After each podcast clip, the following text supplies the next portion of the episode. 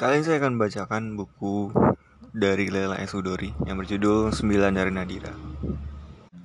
Mencari sikat seruni. Inikah hari terbaik bertemu denganmu?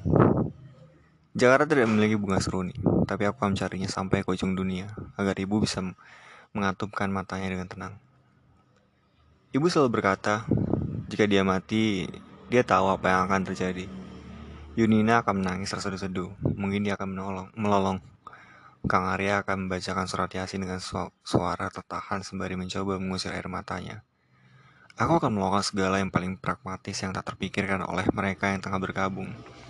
Melapor pada Pak RT, mengurus tanah pemakaman, mencari mukena, mengatur menu makanan, dan botol air mineral untuk tamu dan sekalian mencari kain batik. Terakhir yang paling penting, yang selalu disebut-sebut ibu. Aku pasti mengais-ngais bunga kesukaan ibu yang sulit dicari di Indonesia. Bunga seruni putih. Dia tidak menyebut melati jika bukan mawar merah putih. Harus seruni berwarna putih. Kenapa seruni? Dan kenapa harus putih? Ibu tidak menjawab. Dan aku tak pernah mendesaknya. Ramalan ibu tepat, itulah yang memang terjadi. Kami menemui ibu yang sudah membiru, wajah yang membiru, biru yang biru, keunguan yang mengeluarkan bu busa putih. Di atas lantai yang licin itu, aku tak yakin apakah ibu terlihat lega karena bisa mengatupkan matanya, atau karena dia kedinginan. Kami menemukan, menemukan sebuah sosok yang telentang bukan karena sakit atau terjatuh, tapi karena dia memutuskan, hari ini aku bisa mati. Mungkin ibu tak pernah bahagia, atau mungkin dia merasa hidupnya memang sudah selesai hingga di sini. Kang Arya memeluk tubuh dingin itu tanpa suara. Aku hanya menutup mulut sementara hatiku ribut. Tanganku sibuk, aku menutup segala pertanyaanku dengan pragmatisme. Bagaimana caranya mengangkat tubuh ibu dari lantai itu agar ayah tidak melihat keadaan ibu yang serba biru. Jangan sampai ayah melihat bahwa ini sebuah pernyataan dari ibu. Selain itu, ibu harus segar. Ibu harus segera diangkat karena dia pasti kedinginan. Lihat, warna biru itu semakin lama semakin ungu kekuningan. Sayup-sayup ku dengar suara ibu. Hari ini aku ingin mati. Untuk sementara, aku merasakan ada ombak yang bergulung menyasak dada. Tapi aku memiliki kekuatan yang luar biasa untuk mengunci gudang air mataku. Aku memiliki kemampuan menekan kepedihan seberat apa pun agar hari yang penuh luka ini bisa segera selesai. Sementara aku sibuk bertanya-tanya kenapa ibu memutuskan meninggalkan kami, tiba-tiba kulihat Yunina menyeruak dari kerumunan. Dia mengusir tangan-tangan yang menghalanginya astaga. Tubuh kecil Yunina bisa mendorong tangan para paman dan bibi yang sudah ikut berkerumun. Yunina menyerbu tubuh ibu yang terlentang, tubuh ibu yang sudah diam dan tetap berwarna biru. Yunina melolong, tapi suaranya tak pernah keluar. Namun aku bisa mendengar lolongan Bu Yunina hingga hari ini.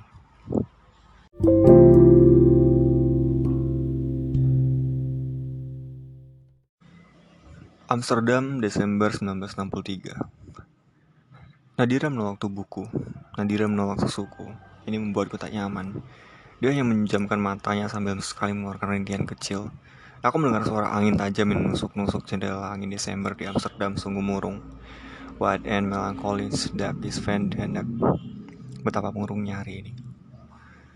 Kuletakkan Nadira di atas tempat tidur kami yang kami sebut tempat tidur sebenarnya hanya dua buah peti kayu yang kami rapatkan. Di atasnya kami letakkan selembar kasur bekas.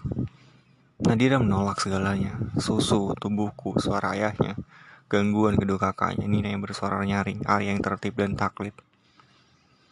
Dari jendela, aku membayangkan sosok Bram merapatkan kerah jaketnya di keramaian Kalvelstraat.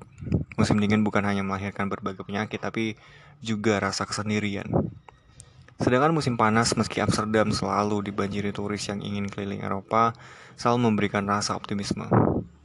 Kalvestrat selalu saja penuh seperti pasar, tapi Bram dan aku selalu senang menyusuri jalan ini hanya untuk satu hal. Mencium bau rendang di halaman luar restoran Padang di pojok jalan. Dan bau asap rokok kretek yang dijual oleh Andreas. Amsterdam kota yang kontradiktif. Amsterdam selalu rapi dan rajin basuh diri sedangkan penduduknya malas mandi. Bram Swandi di antara mereka seperti juga para penduduk Indonesia di sini terlihat paling bersih, rapi, dan rajin bertemu dengan air. Amsterdam juga serba kontradiktif. Karena semasa kuliah, aku bisa mendapatkan dua tangga yang posisi apartemennya sekaligus menunjuk titik spektrum yang berlawanan. Johanna adalah seorang penganut Protestan yang ketat, yang rajin ke gereja dan rak bukunya penuh dengan buku-buku renungan ilahiyah. Sementara Bea adalah gadis Belanda yang pada hari pertamaku di Amsterdam mengajak si gadis Indonesia yang semula dianggapnya pemalu ini menyusuri rumah-rumah lampu merah, hanya agar aku kelojotan.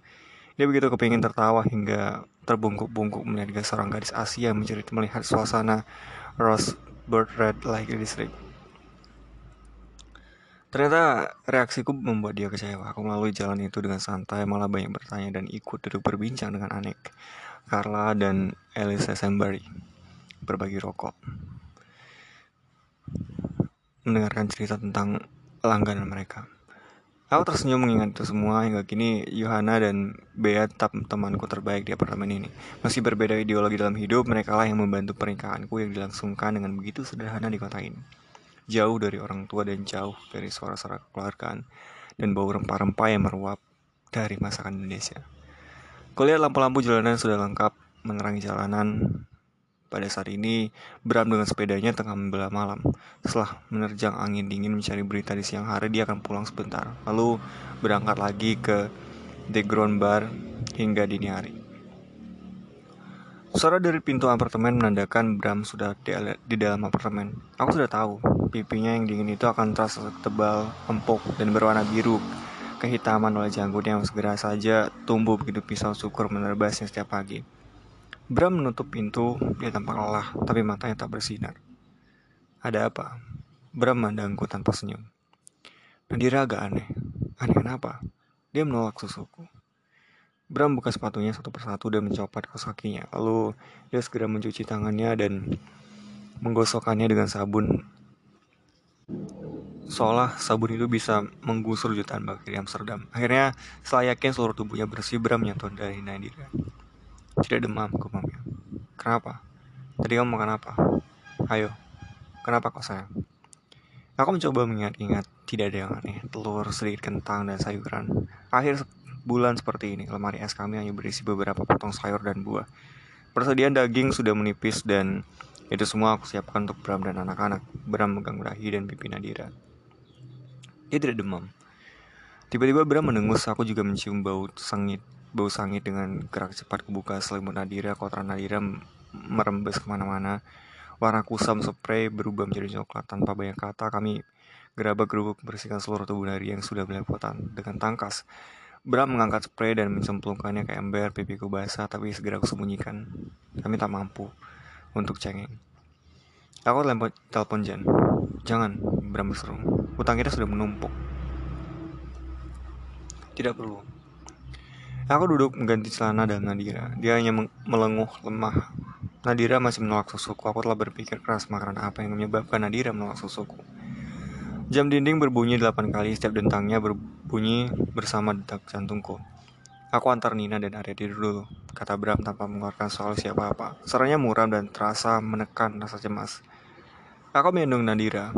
Dia menyadarkan, menyandarkan kepalanya yang bundar dan bagus, yang diselimuti rambut hitam lebat itu ke pundakku. Nadiraku, aku ingin sekali punya, aku ingin sekali penyakit apa pun yang deritanya pindah kepadaku. Hanya beberapa menit kemudian aku mendengar suara mesin tik Bram dari kamar makan lalu suara jari-jari yang asik itu sekali diselingi deru angin bulan Desember. Kalau dia sudah tidur artinya dia tidak apa-apa. Terdengar suara Bram di antara riuhnya mesin tik. Nadira memang sudah terlelap, tapi dia belum minum apa-apa. Aku meletakkan Nadira di atas tempat tidur tanpa spray. Aku meletakkan Nadira tanpa setetes pun air susu dalam tubuhnya. Aku melus-melus pipinya sekaligus mengusir-ngusir air mata aku yang masa keluar.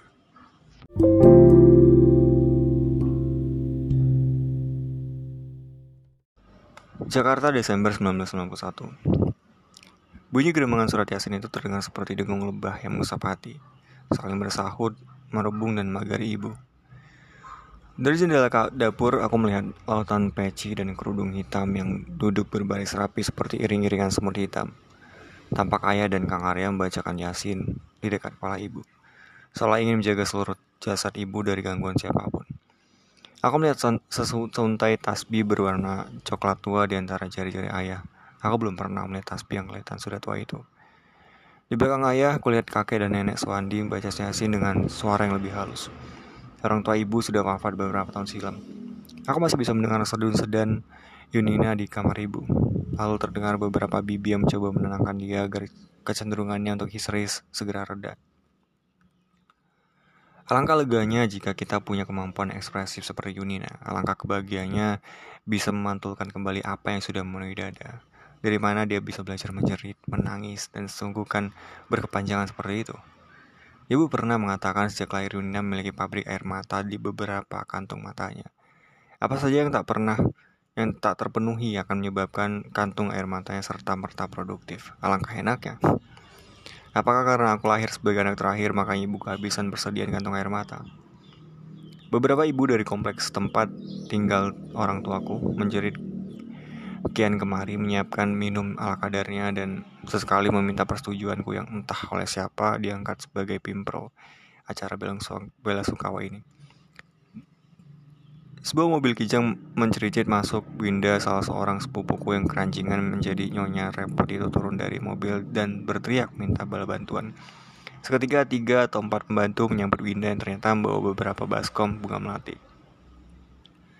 Tiba-tiba, untuk kali pertama, ada rasa panas yang membakar hatiku. Siapa yang memesan melati di hari kematian ibuku? Aku mendekati Winda. Siapa yang memesan kembang melati ini? Aku terkejut mendengar suaraku seperti siraman air es dingin. Dingin. Padahal aku tahu betul ada api yang ber, tengah berkobar. Dadaku menggelegak. Winda menatapku terkejut. Bibirnya yang mungil hanya bergerak. Dia tahu betul aku jarang marah.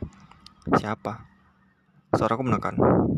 Winda tak berani bernapas. Aku pikir tiba-tiba saja entah dari mana ada tangan yang langsung saja meraih baskom yang penuh dengan tumpukan melati itu. Dan entah bagaimana, baskom melati terpelanting dan terdengar bunyi gedumbrang di lantai. Ratusan kuntum melati kecil yang bernasib sial itu jatuh terburai-burai bersama dengan jatuhnya suara cempreng baskom yang terbuang yang terbuat dari kaleng itu.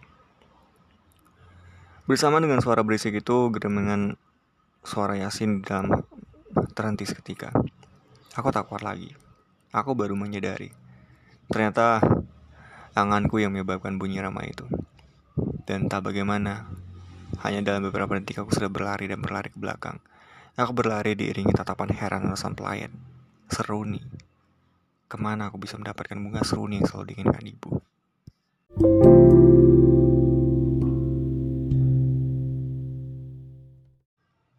Amsterdam, April 1957 The Ground Bar selalu menjadi tujuan Bea dan aku jika kami ingin bertingkah semaunya. Lebih tepatnya jika Bea sedang gatal ingin laki dan aku sedang haus mencari alkohol. Kami memang baru saja mendekam seharian dengan Sense and Sensibility karya Jane Austen, sebuah novel yang harus kami diskusikan besok. Sementara novel-novel karya penulis Inggris abad 19 yang selalu mengkhawatirkan jodoh dan harta, Bea dan aku mulai gelisah. Alasan membuat kami resah dan bosan. Katanya aku butuh laki dan alkohol. Bea menyeretku sambil berbisik. Asap rokoknya mengepul pengambar ke mukaku. Dia membisikkan satu nama di telingaku seperti cekikikan. Mendengar usulnya, aku malah tak bersemangat. Malas aku tak berminat pada laki Indonesia. Yang ini berbeda. Apanya yang berbeda? Mereka semua selalu menghakimi. Rajin tidur dengan perempuan Belanda tapi ingin kawin dengan perempuan Indonesia yang manis dan penurut. Aku menyambar jaketku. Kita ke Alfesrat persimpangan Spui saja. Nah, kita ke, ke The Ground Bar. Biar setengah maksa, bosan, penuh snoop.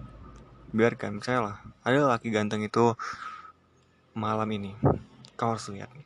Hanya dalam melihat waktu setengah jam, tiba-tiba saja aku sudah berada di The Ground Bar yang penuh sesak. Bukan saja oleh mahasiswa Fris dan Grementelli jika, jika University tetapi lengkap dengan aroma tubuh mereka yang malas mandi bercampur dengan asap rokok dan alkohol.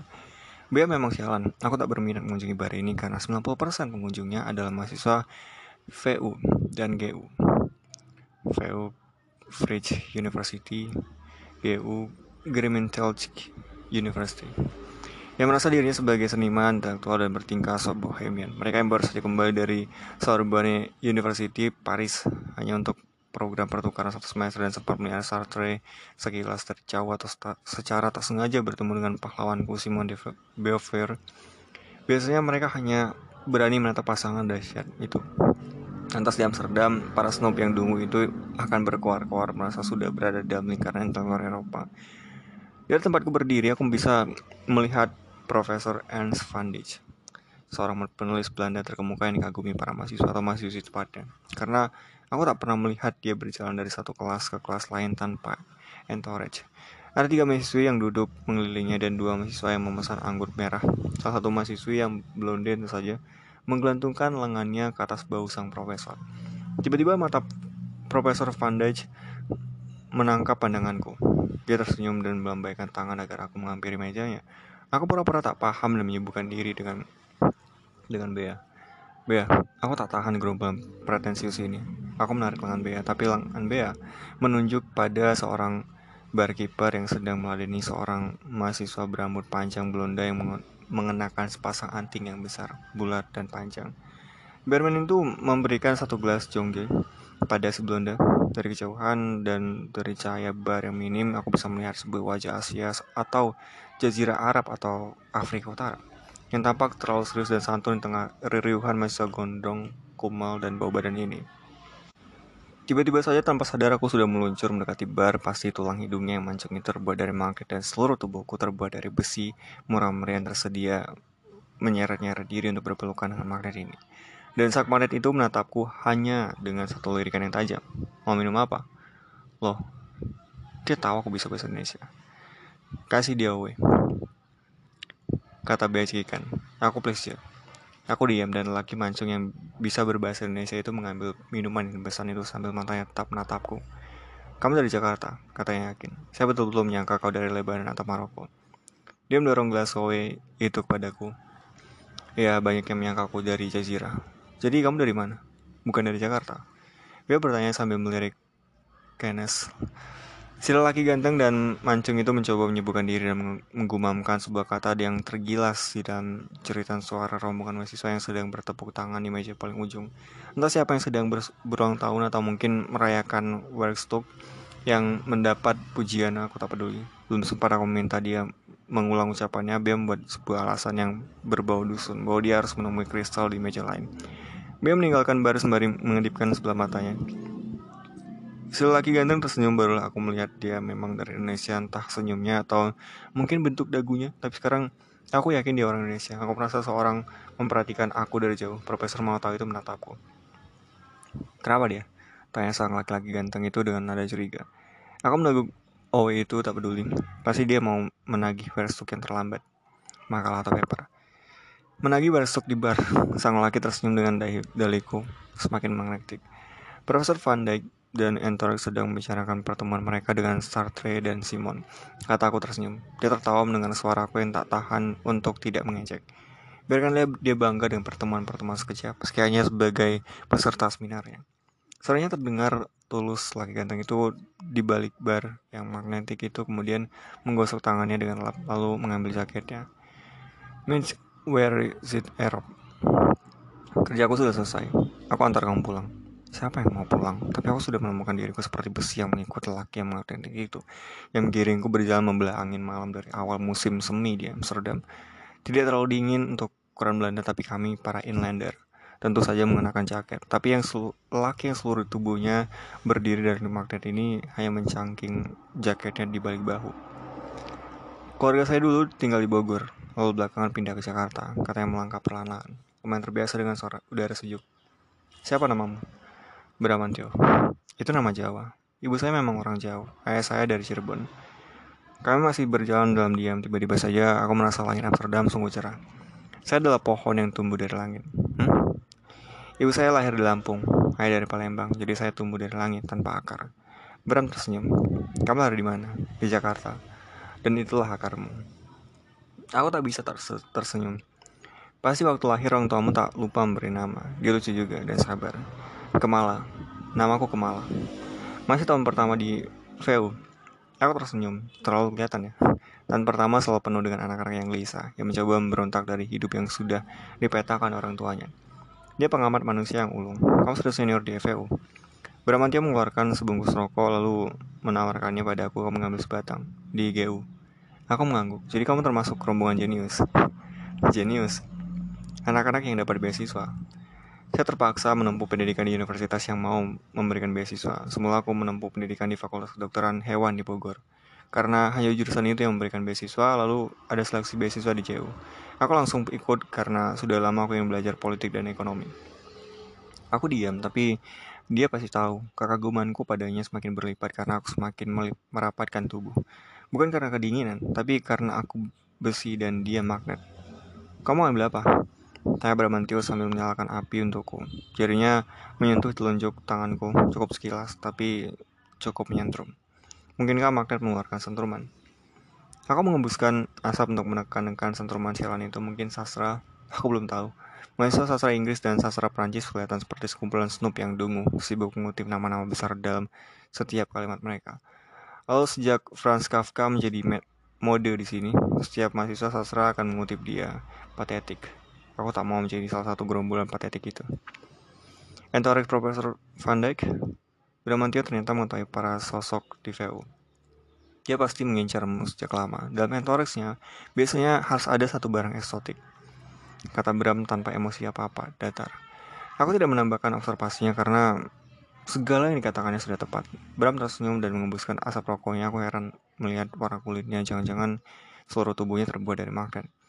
Aku sudah tahu modus operandinya. Dia sudah pernah tidur dengan dia. Pertama Van Dijk akan menggail perhatian para mahasiswi dengan analisis dia terhadap karya-karya yang buruk. Dia akan mengeluarkan kalimat cerkas yang membuat kita ikut menertawakan para penulis wanabe di Eropa. Lalu ketika mangsa sudah mulai bersedia menggelayut di lengannya atau di lehernya, dia mulai membisikkan beberapa bait sajak ciptaan yang paling romantis.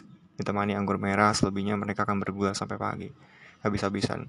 Dia sangat ahli tempat tidur. Bram diam mendengarkan ulasanku. Kamu yakin itu cerita dari Bea, bukan pengalamanmu? Aku bisa mendengar segelintir kecemburuan dalam per pertanyaan Bramantio. Dia bukan selera aku. Bramantio berusaha meyakinkan dirinya sendiri bahwa aku sedang menceritakan pengalaman Bea, bukan pengalamanku sendiri. Kalau bukan sastra, apa pilihan keduamu? Tak ada pilihan kedua. Pilihan kedua menunjukkan hidup yang selalu, yang terlalu tertata. Jawabku tanpa berpikir. Aku terkejut dengan kalimat itu. Bram berhenti melangkah dan menatapku. Kamu cuma ingin menggoyak-goyak peta yang dibuat orang tuamu. Aku terdiam. Lagi-lagi warna kulitnya agak menggangguku, mengganggu dalam arti yang menyenangkan tapi merepotkan gejolak darahku. Kulitmu seperti laki Maroko, ya, berwarna bronze. Bram tertawa giginya putih dan rata, kontras dengan kulit bronze itu. Apartemenku sudah kelihatan dan tiba-tiba saja aku tak ingin kehilangan segumpal market bronze ini. Musim panas ini kamu mau ke mana? Mencari kerja. Aku punya lima orang adik di Bogor. Uang kerja di musim panas sangat lumayan kerja. Tiba-tiba malah, malah musim semi menjadi semakin dingin. Aku menggigil. Kamu ke mana? Aku terbatuk-batuk merasa sungkan mendengar rencana musim panas Bramantio. Seorang mahasiswa barman berkulit bronze itu, hmm, Bea mengajak pesta di Wina. Lalu aku akan bergabung dengan beberapa teman di Venice. Bram mengangguk, tidak menghakimi. Tiba-tiba aku ingin sekali masuk ke dalam jaketnya yang terasa hangat. Dan tiba-tiba itulah yang terjadi. Lebih, lebih gila lagi Bram sama sekali tidak terkejut dengan seranganku yang begitu mendadak. Aku tak mau ke Mina dan ke Venice. Bram malah melukku semakin erat apakah magnet terasa begini hangat dan apakah ilmu fisika dulu sempat mengajarkan bahwa magnet bisa mengalihkan rasa panas ke dalam tubuh manusia. Malam itu kami berbincang hingga pagi di kamarku. Kami tak melakukan apa-apa kecuali berpelukan dan berpegangan tangan. Dan itu sudah cukup menggetarkanku. Aku lebih banyak bercerita tentang buku-buku yang tengah aku baca saat itu, aku baru menyelesaikan Si Came to Stay dari Simon de Beauvoir. Bram mendengarkan ocehanku dengan tenang, matanya seperti sebuah danau yang sanggup menelanku. Tulisan siapa yang kau kagumi? Tanyaku setelah menyadari aku bicara banyak. Bram tersenyum. Hanya beberapa hari kemudian setelah aku mampir ke apartemennya, aku melihat beberapa tulisan karya M. Nasir, pemimpin partai Masyumi.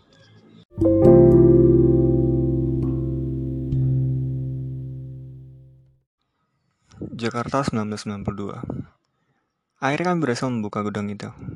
Serombongan debu menghambur Yunina dan aku langsung saja terbatuk-batuk. Kang Arya segera menyodorkan masker sementara mereka sibuk dengan perangkatnya masing-masing untuk mengadang serbuan debu. Aku lebih tertarik pada sebuah peti anti kecil yang duduk sendirian ditemani debu dan koran-koran bekas. Peti tradisional itu terbuat dari jati, polos, berdebu, dan hanya dihiasi empat lempengan perak di setiap sisi. Di sebelahnya terlihat beberapa tumpuk koran dari majalah yang tak boleh dijual oleh ayah, sebuah larangan yang sering diterabas oleh ibu, terutama jika keruangan rumah tangga sudah menipis. Kulihat Kang Arya mulai mengeluarkan beberapa kursi antik yang rencananya akan dipoles oleh tukang antik langganan ibu di Ciputat. Tapi tidak kunjung terjadi karena tak ada uang. Yurina mulai menggerutu tentang orang-orang yang menanjak tua yang gemar menumpuk barang-barang yang akhirnya tak pernah dinikmati sama sekali. Seperti ini. Ngapain ibu beli lampu seperti ini? Ada enam biji pula. Kata Yurina memindahkan beberapa lampu duduk berwarna hijau. Ada gompelnya lagi. Siapa yang mau menggunakan lampu ini? Aku hampir tak mendengar omelan Yunina, aku juga hanya mendengar sayup-sayup suaranya yang sembari memberi instruksi dari balik maskernya agar kami memisahkan barang-barang itu sesuai kategori.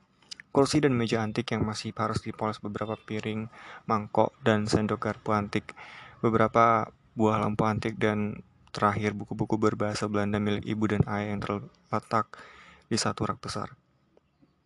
Siapa yang masih membaca bahasa Belanda?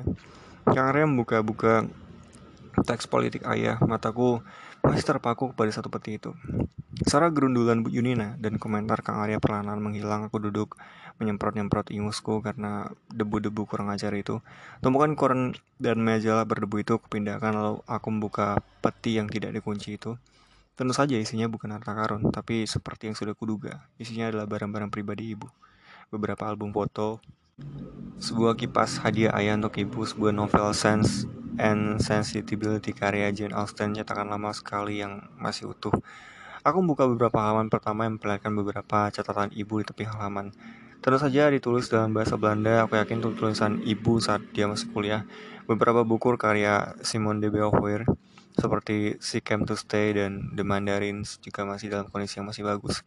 Bahkan desain sampulnya jauh lebih menarik daripada milikku. Beberapa buku dalam bahasa Belanda yang tak kupahami bertumpuk kami menyisikan novel karya Jane Austen dan Simone de Beauvoir itu meski aku sudah memiliki versi terbaru. Mataku terhenti pada sebuah buku bersampul kulit hitam. Napasku terhenti. Ini kelihatan seperti sebuah buku harian. Tiba-tiba sebuah tangan merebut buku harian yang sedang kugenggam itu. Kita baca sama-sama. Yunina merungkas. Kang Rea sedang mengangkat kursi memandang kami. Dia meletakkan kursi yang baru saja dipindahkan dan mendekat lalu ikut duduk di sebelahku. Mau dibaca sekarang. Yunina membuka satu halaman dan mencoba membacanya keras-keras. Amsterdam, Juni 1957. Musim panas yang membakar, Bram lebih sering telanjang dada dan dia, Ew. Yunina melempar buku harian itu ke pangkuanku. Aku nggak mau baca tentang hubungan seks orang tuaku. Ew, ew. Yunina menutup kupingnya sendiri. Kang Arya tertawa terbahak. Aku merasa puas melihat Yunina menyerah. Jadi menurut dia, dir kita ini dibawa oleh burung bangau, bukan hasil dari aksi panas dua tubuh yang iu iu. Yunina menutup kupingnya. Aku hanya mau mengenang orang tua aku sebagai pasangan yang betul-betul sudah tua, rambut putih, berkulit keriput, bersuara gemetar, dan organ tubuhnya sudah mulai aus. Aku tak mau mengenang mereka sebagai pasangan yang pernah muda dan panas bergairah. Yuk, kalian baca saja dan laporkan pada aku yang penting-penting saja. Arya, keluarkan semua kursi itu. Tiba-tiba Yunina mengangkat dirinya sebagai pimpro pembersihan gudang ibu. Aku membersihkan buku harian ibu dan menyimpannya dalam ranselku.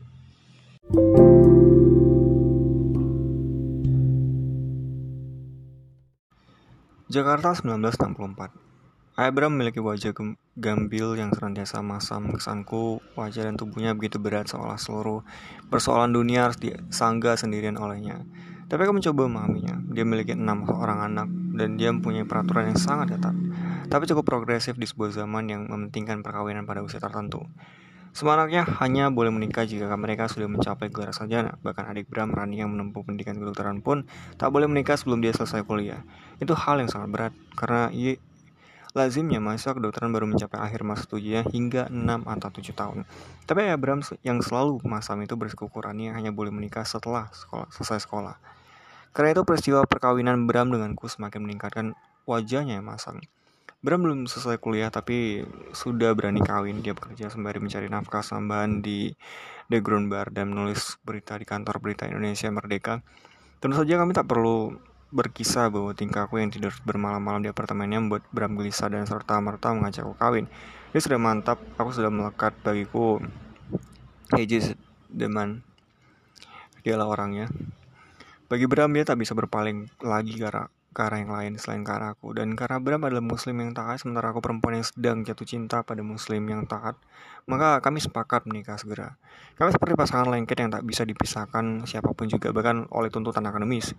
Munculnya tiga orang cucu yang belum pernah ditemui orang tuaku karena jarak Amsterdam dan Jakarta tak juga menghibur hatinya. Tak heran jika wajah gembil itu sungguh sulit membentuk senyum saat bertemu dengan aku, menantunya yang mungkin nampak seperti seorang perempuan muda dan binal yang mengawini putra sulungnya dan berhasil mengoyak peta yang sudah digambarkan orang tuanya. Seorang perempuan yang menyebabkan pendidikan anak sulungnya terulur-ulur dengan lahirnya Nina, Arya, dan Nadira Orang tua Bram tak pernah mengetahui pernikahan macam apa yang dilalui putra sulungnya kecuali melalui potret pernikahan kami yang sederhana dengan kebaya pinjaman dan beberapa tangkai bunga seruni putih yang diselipkan di konde. Seruni, bukan Yasmin, bukan Mawar. Seruni. Pertemuan kami yang pertama, seperti halnya pertemuan kami selanjutnya, tak pernah berlangsung lancar. Dia, dia duduk di teras depan rumah mereka di gang Beluntas, kawasan Salemba yang selalu terasa gerah. Hanya beberapa ratus meter dari gang Beluntas, kami bisa mendengar demonstrasi mahasiswa yang berkepanjangan. Suasana politik sungguh panas, tapi bagiku, tak sepanas yang terjadi di rumah keluarga Suwandi yang, yang guncang oleh kedatanganku. Sementara aku mengganti baju Nadira yang selalu basah oleh keringat dan memandikannya dengan bedak yang mendinginkan kulitnya, aku mendengar bunyi percakapan antara Bram dan sang ayah, patriark keluarga Suwandi. Aku membayangkan Pak Suwandi, mertuaku itu, duduk di kursi besar ruang tengah sebuah kursi yang hanya boleh disentuh oleh dia. Sedangkan kursi istrinya ada di sampingnya. Tembok antara kamar depan tempat kami mengungsi karena Nadira ingin tidur begitu tipis. Aku bisa mendengar semua yang terjadi seolah-olah aku berada di ruangan yang sama. Nina dan Arya yang sudah disita oleh para bibi dan pamannya di halaman belakang tengah menikmati rindangnya pohon mangga yang konon dulu ditanam Bram saat dia masih kecil. Jadi dia ada keluarga Abdi Yunus, pengusaha yang dekat dengan istana itu. Iya pak, hening.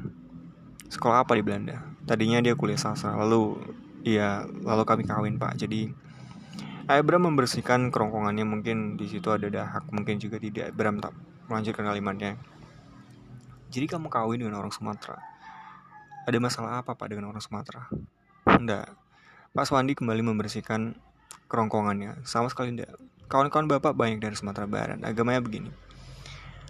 Aku berasumsi begini pasti dilontarkan sambil mengacungkan jempolnya. Lalu aku mendengar langkah seorang yang ikut bergabung dalam diskusi atau monolog ini. Dari langkahnya yang lunak, kamu menebak pastilah itu ibu mertuaku. Maksud bapak, terdengar suara Bu Suwandi, ibu mertuaku. Apa dia sholat mengaji? Apa kalian mengajarkan membaca Al-Quran pada anak-anak selama kalian di Belanda? Bram terdiam. Baru kali ini aku mendengar pertanyaan seperti itu. Sekolah istrimu sudah selesai, Bram. Tadi dia sudah jawab, Bu. Mereka kan kawin negeri Belanda itu. Terus anak-anak lahir. Hening. Mungkin orang tuanya dekat dengan PSI, Bu. Bu Suwandi berbisik. Hening. Arya sudah disunat, Bram. Iya, Pak. Begitu lahir langsung disunat. Terdengar suara keluhan cewek Pak Suwandi. Bram, kata Mang Priyatna, kamu memilih Mas Yumi. Kini giliran sang ibu menginterogasi. Oh, bicara bergeser dari satu gumpalan kekecewaan kepada gumpalan kekecewaan lain. Mereka sudah kecewa tak dapat menyaksikan perkawinan anak sulungnya di Belanda. Kelahiran ketiga cucunya dan kenyataan bahwa menantunya adalah putri pengusaha keluarga sekuler yang tak terlalu pusing dengan kehidupan spiritual, kecuali jika spiritualitas itu melibatkan alkohol. Keluarga ini sudah teruntuk turun keluarga NU. Bagaimana kamu bisa bergabung dengan Mas Yumi? Ibu, saya akan selalu menghormati pilihan politik Bapak, Ibu, Eyang Sur dan Aki. Tapi ini bukan kali pertama ada yang tidak memilih NU. Bibi Sam juga memilih Muhammadiyah. Saya juga memilih karena keyakinan hati saya. Kini Bram terdengar seperti punya otot, suaranya lebih bening dan aku membayangkan kilatan warna bronze dari kulitnya itu pasti semakin bersinar. Keyakinan apa itu? Nah ibunya dengan ada yang lebih terdengar kecewa daripada keinginan tahu. Bu, kita akan masuk dalam perdebatan yang tak ada ujungnya. Posisi saya sama dengan posisi Bibi Sam soal NU. Saya membutuhkan sebuah partai yang sikapnya lebih kritis terhadap pemerintah. Apakah di itu di zaman Belanda maupun sekarang pemerintahan Bung Karno yang sedang dekat dengan kiri. Biarlah keluarga besar Suwandi tetap menjadi keluarga NU. Saya memilih ikut Pak Nasir. Hening. Sudahlah Bu. Sekarang prioritasnya keluarga Bram dulu. Alhamdulillah akhirnya Bram sudah selesai sekolahnya, sudah kembali ke Jakarta biarpun lama betul selesainya. Nah, kita harus ajarkan Islam dulu biar menantu dan cucu-cucu kita itu mengerti isi Quran. Soal Masyumi biar kita bicarakan nanti saja. Yang penting sama-sama partai berbasis Islam. Pak Swandi menegur istrinya. Hening, suara napas Nadira yang sudah lelap mengisi kesunyian yang tak nyaman.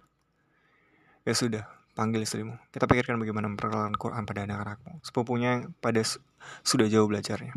tapi pasti Nina dan Arya bisa cepat mengejar ketertinggalannya. Aku mendengar langkah Bram dekati pintu kamar, aku buru-buru menyibukkan diri menepuk-nepuk paha Nadira yang sebetulnya sudah laptit betul. Tanpa berkata apa-apa, hanya dari pandangan mata Bram, aku langsung berdiri meninggalkan Nadira yang pulas meringkuk di tempat tidur. Bram memiliki wajah gembil yang senantiasa masam. Dia menatapku tanpa emosi sama sekali. Aku menghampiri kursinya dan mencium tangannya. Lalu aku mencium tangan ibu mertuaku. Dua gerakan yang tak pernah aku lakukan seumur hidupku. Aku terbiasa dengan mencium pipi, mencium bibir, mencium leher, tapi mencium tangan. Kenapa tangan harus dicium? Bagaimana jika tangannya baru saja digunakan untuk menyemprot ingus? Atau bagaimana jika seorang baru saja kembali dari toilet dan Ayah mertua mendehem dan kayak mengganggu lagi. Jadi gue malah, kemala, aku mau perbaiki. Apa yang kalian kenakan waktu menikah? Ibu mertua bertanya dengan nada yang sangat sopan menekan rasa jengkel karena tak bisa hadir. Kebaya putih, Bu. Cara apa? Sunda, Jawa? Aku terdiam. Cara Indonesia, Bu. Aku berani bersumpah aku lihat ada sekelumit senyum yang tersembunyi di pojok bibir ayah mertua aku yang gembil. Nampaknya dia merasa istrinya terlalu lewat dengan hal-hal yang remeh temeh. Lalu kondemu, kau bungkus dengan bunga apa? Bunga melati? Tanya Bu Swandi yang sudah kehilangan senyum. Bunga seruni, Bu. Seruni? Kenapa seruni? Hening. Memangnya susah mencari bunga melati di Belanda, Bram. Aku tahu Bram tak mungkin membohong. Bukan susah, Bu. Aku memang menyukai bunga seruni. Tapi bunga... Sudah, bunga seruni atau melati yang penting mereka menikah secara Islam. Eh, mertua memotong tak sabar. Kalau dia seruni, seruni. Tak apa. Hijab kabul yang lancar, Bram. Lancar, hanya sekali langsung jadi. Bagus. Bapak mertua mengeringkan tenggorokan. Nah, aku malah. Tadi bapak sudah bicara dengan suamimu. Anak-anakmu itu harus belajar mengaji. Aku tak mau jawab. Mereka datang ke Salemba saja setiap hari. Atau kalau mau gampang selama libur ini mereka tidur di sini saja. Ada banyak kamar. Jang, jantungku berdegup. Aku melirik Bram. Mereka libur sekolah kan Bram? Ibu mertua bertanya. Iya bu, tapi bagus. Jadi Kumala dan Bram nanti tinggal ambil baju mereka. Anak-anakmu tinggal di sini saja selama libur sekolah, biar kenalan sama nenek kakeknya. Kenalan sama semua paman bibinya dan sepupu-sepupunya sekalian belajar mengaji. Nanti neneknya juga mengajarkan sholat lima waktu. Abraham kemudian menutup pembicaraan dengan mengangguk padaku tanpa menanti persetujuanku dia mengambil tongkatnya dan berdiri. Beduk zuhur sudah terdengar dan hanya beberapa detik kemudian terjadi hiruk pikuk seluruh di rum isi rumah menuju kamar mandi untuk membasuh tubuh dengan air wudhu. Dari jauh, aku melihat Raya di bungsu Bram tengah mengajar Arya untuk mengambil air wudhu. Ibu Suwandi dan Bram sudah meninggalkan ruang tengah. Sementara aku masih menatap bapak mertuaku yang berjalan dibantu tongkat. Aku di sini saja, Pak. Bapak Suwandi menoleh. Aku akan sholat kalau aku ingin. Kalau saya siap. Kataku menatap matanya. Bapak Suwandi diam, tapi lagi-lagi dari wajah gembul yang masam itu aku melihat sinar mata yang sangat ramah. Dia menyodorkan seuntai tasbih yang sejak tadi dipegangnya seuntai tasbih berwarna coklat polos. Sangat sederhana. Kalau begitu aku malah pegang ini saja. Aku menerimanya, aku bahkan lupa untuk memperbaiki cara dia mengucapkan namaku. Untuk selanjutnya, aku akan membiarkan dia memanggilku Kumala. Karena entah bagaimana aku bisa melihat sinar yang ramah dan tulus yang tersembunyi di balik wajah yang masam itu. Ucapan terima kasih mungkin tak terdengar karena bapak mertua aku kemudian berjalan tertatih menuju kamar mandi.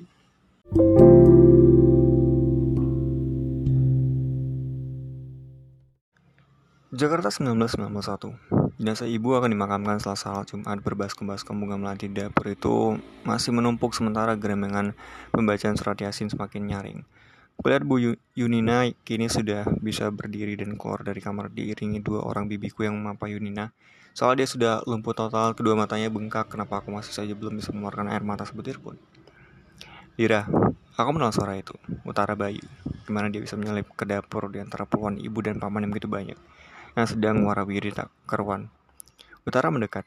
Apakah wajah dingin dan galak sehari-hari di kantor itu sebuah topeng yang dia tinggalkan? Utara megang tanganku dengan kedua tangannya. Saya ikut berduka cita. Terima kasih.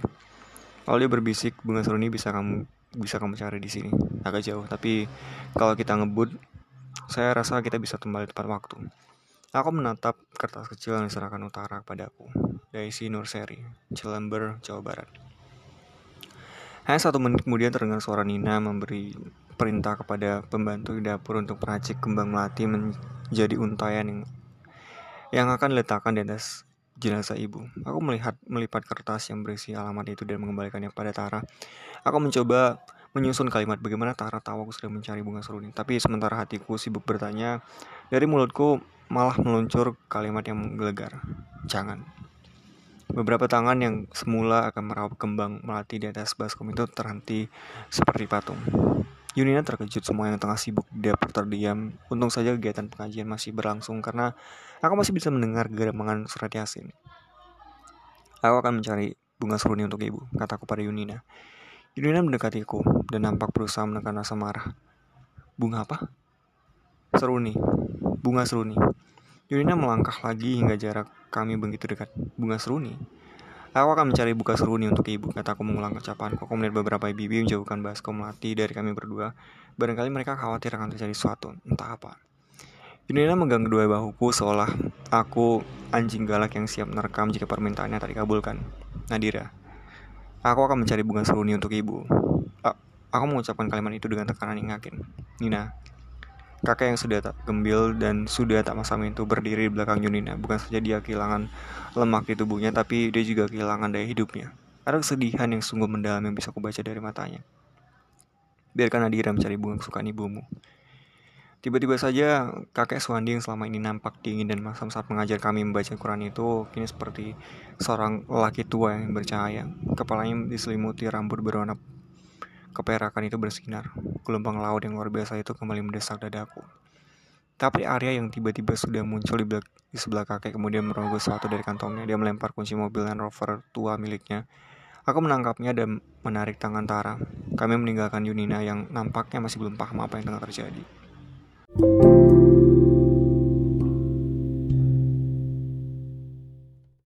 Amsterdam, Juli 1957.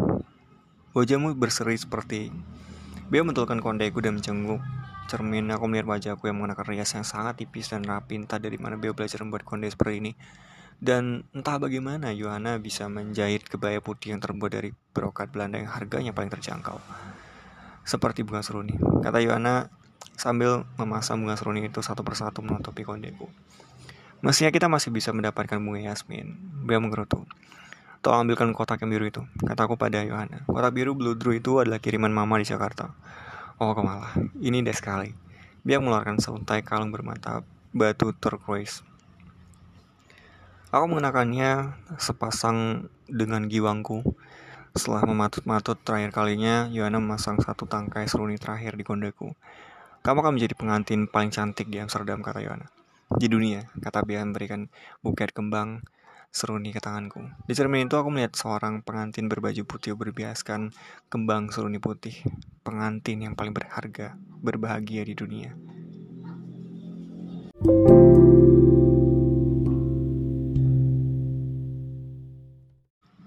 Jakarta 1991 Utara parkir mobil depan toko kembang ke-6 di Jakarta Nadia bersikeras untuk mencari bunga seruni di Jakarta harus putih, tidak boleh kuning, tidak boleh merah. Celakanya semua toko bunga yang datang hanya menyediakan bunga seruni berwarna kuning. Tapi Tara tidak menyemprotkan sepatah kata pun yang berisi protes meski jarum jam sudah menunjukkan pukul 12 siang. Jenazah akan dimakamkan setelah asar. Belum selesai Tara menyelesaikan urusan parkir, Nadira sudah kembali dengan wajah lesu dan menggeleng. Memang cuma ada di Daisy Nursery, kumam Tara. Bisa kita ke sana dan kembali lagi sebelum pemakaman. Utara berkonsultasi dengan jam tangannya Jam menginjak gas dengan sengit, mobil Land Rover tua milik Arya itu menderum belah semua rentetan mobil Jakarta. Nadira hanya memejamkan matanya dan tak ingin tahu menang kecepatan mobil itu. Dia seperti tengah melayang keluar bumi dan mempercayakan seluruh jiwa dan raganya kepada Tara. Dia merasa berada di sebuah pesawat yang selalu tergambar dalam imajinasinya jika ia ingin keluar dari kesemrawutan dunia yang tengah melepas diri dari banalitas di bumi yang membuat semua kegiatan di bumi terhenti hanya untuk beberapa detik. Dia yang mendengar sayup-sayup suara rate di dalam tap mobil hanya bunyi rem yang bercericit yang akhirnya membangunkan Nadira dari terbangnya. Sudah sampai, Tara berbisik ke telinga Nadira. Nadira sungguh merasa bibir Tara sudah hampir menyentuh telinga kanannya. Tapi begitu dia membuka matanya, aneh. Tara tampak duduk di seberang di belakang setir, dingin dan kaku seperti biasa. Nadira menoleh Daisy Nurseri, dan dia melihat suatu pemandangan yang tak pernah dibayangkan. Beratus ratus atau mungkin beribu keranjang bunga seruni tampak membungkus toko bunga dan perkebunan itu. Di mana-mana, di mana-mana. Nadira terbelalak. Tiba-tiba saja ada gelombang air yang menyerbu tenggorokannya dan dadanya. Dia merasa ada sebuah dam yang selama ini tertahan dan belum beludak. Dia menoleh melihat Tara yang tengah memandangnya. Mana Tara? Yang selama ini selalu dingin dan hanya berisi perintah itu kini tengah berkata, Bunga seruni untuk ibu. Pada saat itulah, ombak itu kembali bergulung-gulung mendesak dada Nadira. Dia tak bisa menahannya lagi. Nadira menangis terseduh-seduh, air matanya mengalir tak berkesudahan.